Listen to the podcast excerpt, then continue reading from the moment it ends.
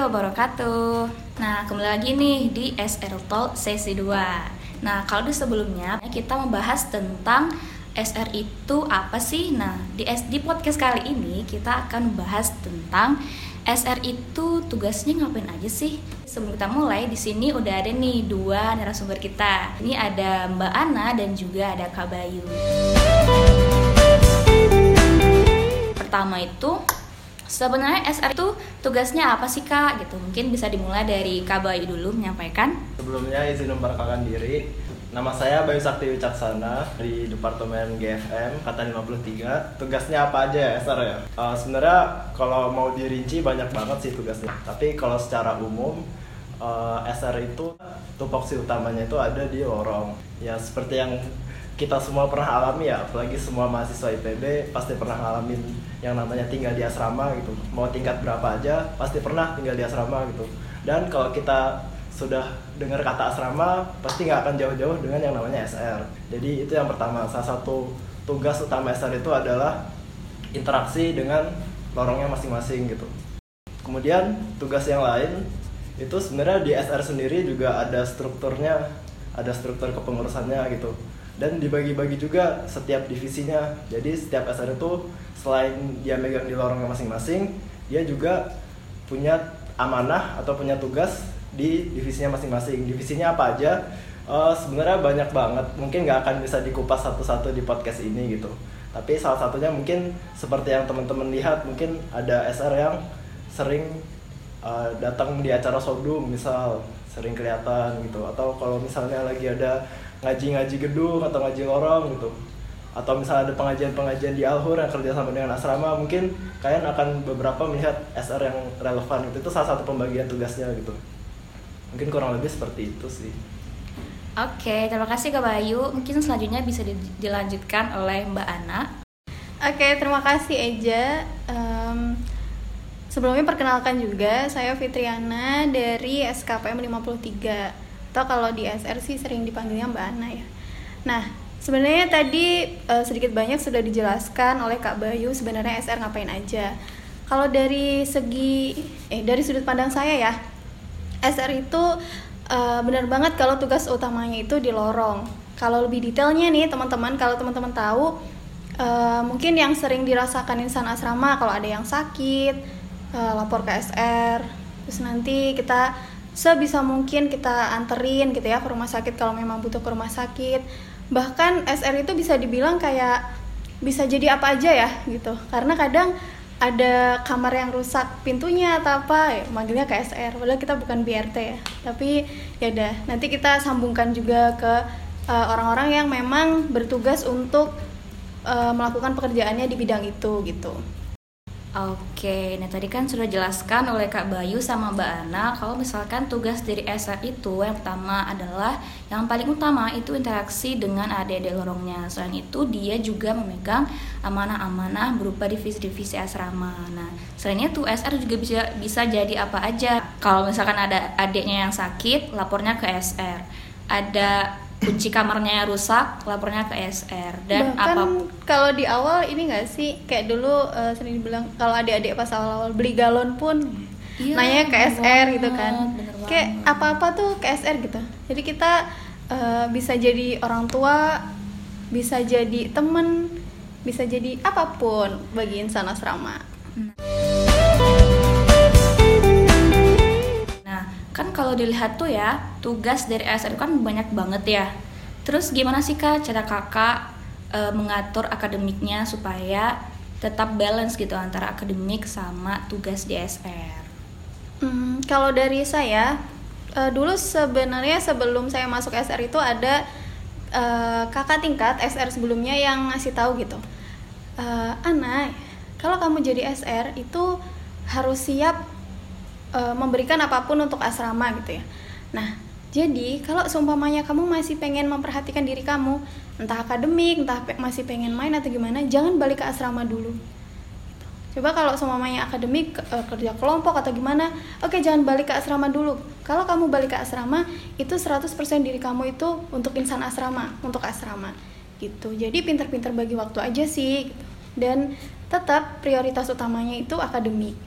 Jadi Eh, gitu sih jangan sampai nanti akademik dikesampingkan Oke, kalau dari Kak Bayu gimana Kak? Maaf bisa diulang pertanyaan tadi aku. Kalau Gimana sih cara menyeimbangkan antara akademik sama tugas di DSR? oh gitu. Oke, sebenarnya mau nambahkan dikit aja dari yang udah Mbak Ana sampaikan. Sebenarnya benar gitu. Kalau kita jadi SR itu udah bisa dibilang kita sudah tidak banyak memikirkan diri kita sendiri gitu, termasuk dengan akademik. Nah, di sini tuh tidak memikirkan itu bukan berarti kita meninggalkan gitu. Maksudnya kita benar-benar udah selesai dengan urusan-urusan pribadi kita gitu. Dengan hobi-hobi kita, dengan kesenangan-kesenangan kita gitu. Karena emang kalau kita emang benar-benar mau totalitas di asrama itu sebenarnya kalau kita ngomongin dari banyak segi ya, itu sebenarnya banyak banget yang dikorbankan gitu. Ya mungkin kalau mau nyinggung akademik mungkin ya sedikit banyak pasti terpengaruh gitu. Tapi justru menariknya di situ gitu. Bagi teman-teman SR itu emang udah dipersiapkan untuk itu gitu. Mereka benar-benar sudah selesai dengan diri mereka gitu. Bahkan terkait dengan akademik pun saya yakin teman-teman SR yang lain juga sudah punya porsinya masing-masing gitu. Bagaimana cara mereka membagi waktu, bagaimana mereka benar-benar fokus dengan akademiknya, menyelesaikan tugas-tugas akademiknya, maupun juga menyelesaikan tugas-tugas di asramanya gitu. Jadi sebenarnya kalau ditanya bagaimana cara membagi waktu ya antara tugas di asrama dengan akademik itu caranya masing-masing gitu. Setiap SR pasti mereka punya caranya masing-masing. Nah, mungkin kan kalau misalkan kita melihat nih, SR itu padat banget gitu jadwalnya. Mungkin pagi-pagi mereka kuliah, terus sorenya harus ngelarin adik lorong, belum lagi rapat divisi gitu. Nah, kalau dilihat nih, apakah SR itu ada istirahatnya nggak sih? Terus SR itu nyuci nggak sih? Terus bahkan SR itu mandi nggak sih? Atau SR itu makan apa enggak gitu? Jadi gimana tuh menurut pandangan kakak-kakak di sini gitu? Of course we do because we are a human being. Jadi ini yang banyak orang kayaknya ada orang tuh juga eh, tahun lalu ya ada orang saya itu ba- bahkan banyak yang nanya eh, dipanggilnya Una ya Una Una Una tuh sebenarnya mandi nggak sih nyuci nggak sih makan nggak sih ya ada ya sangat menggemaskan ya karena kita itu manusia biasa teman-teman. Jadi kita tetap makan. Sama kadang makan di tedung makan di gece kita juga nyuci kita juga mandi pastilah. Tapi mungkin mandinya nggak sama waktunya sama adik-adik. Gitu mungkin udah yang mandinya sebelum subuh terus nanti pas kalau nggak pas teman-teman kuliah ya, atau ya pasti ada pasti kok kita mandi. Ya nggak sih kak Bay? Yap, betul sekali. ya kalau pertanyaan seperti itu ya jawabannya udah jelas ya. Secara gitu kita kan juga manusia gitu. Kalau ditanya kita makan nggak, kita mandi nggak, ya kalau mandi mungkin ya tergantung kebutuhan sih. Kalau kayak dan lain sebagainya ya pastilah itu kebutuhan primer manusia ya sebagai seorang manusia, seorang sebuah entitas yang saling berkoneksi dengan entitas yang lain gitu ya kurang lebih sama lah seperti yang disampaikan Mbak Ana gitu ya kita pasti ngelakuin lah gitu mungkin uh, kalau bagi adik-adiknya mungkin nggak kelihatan ya.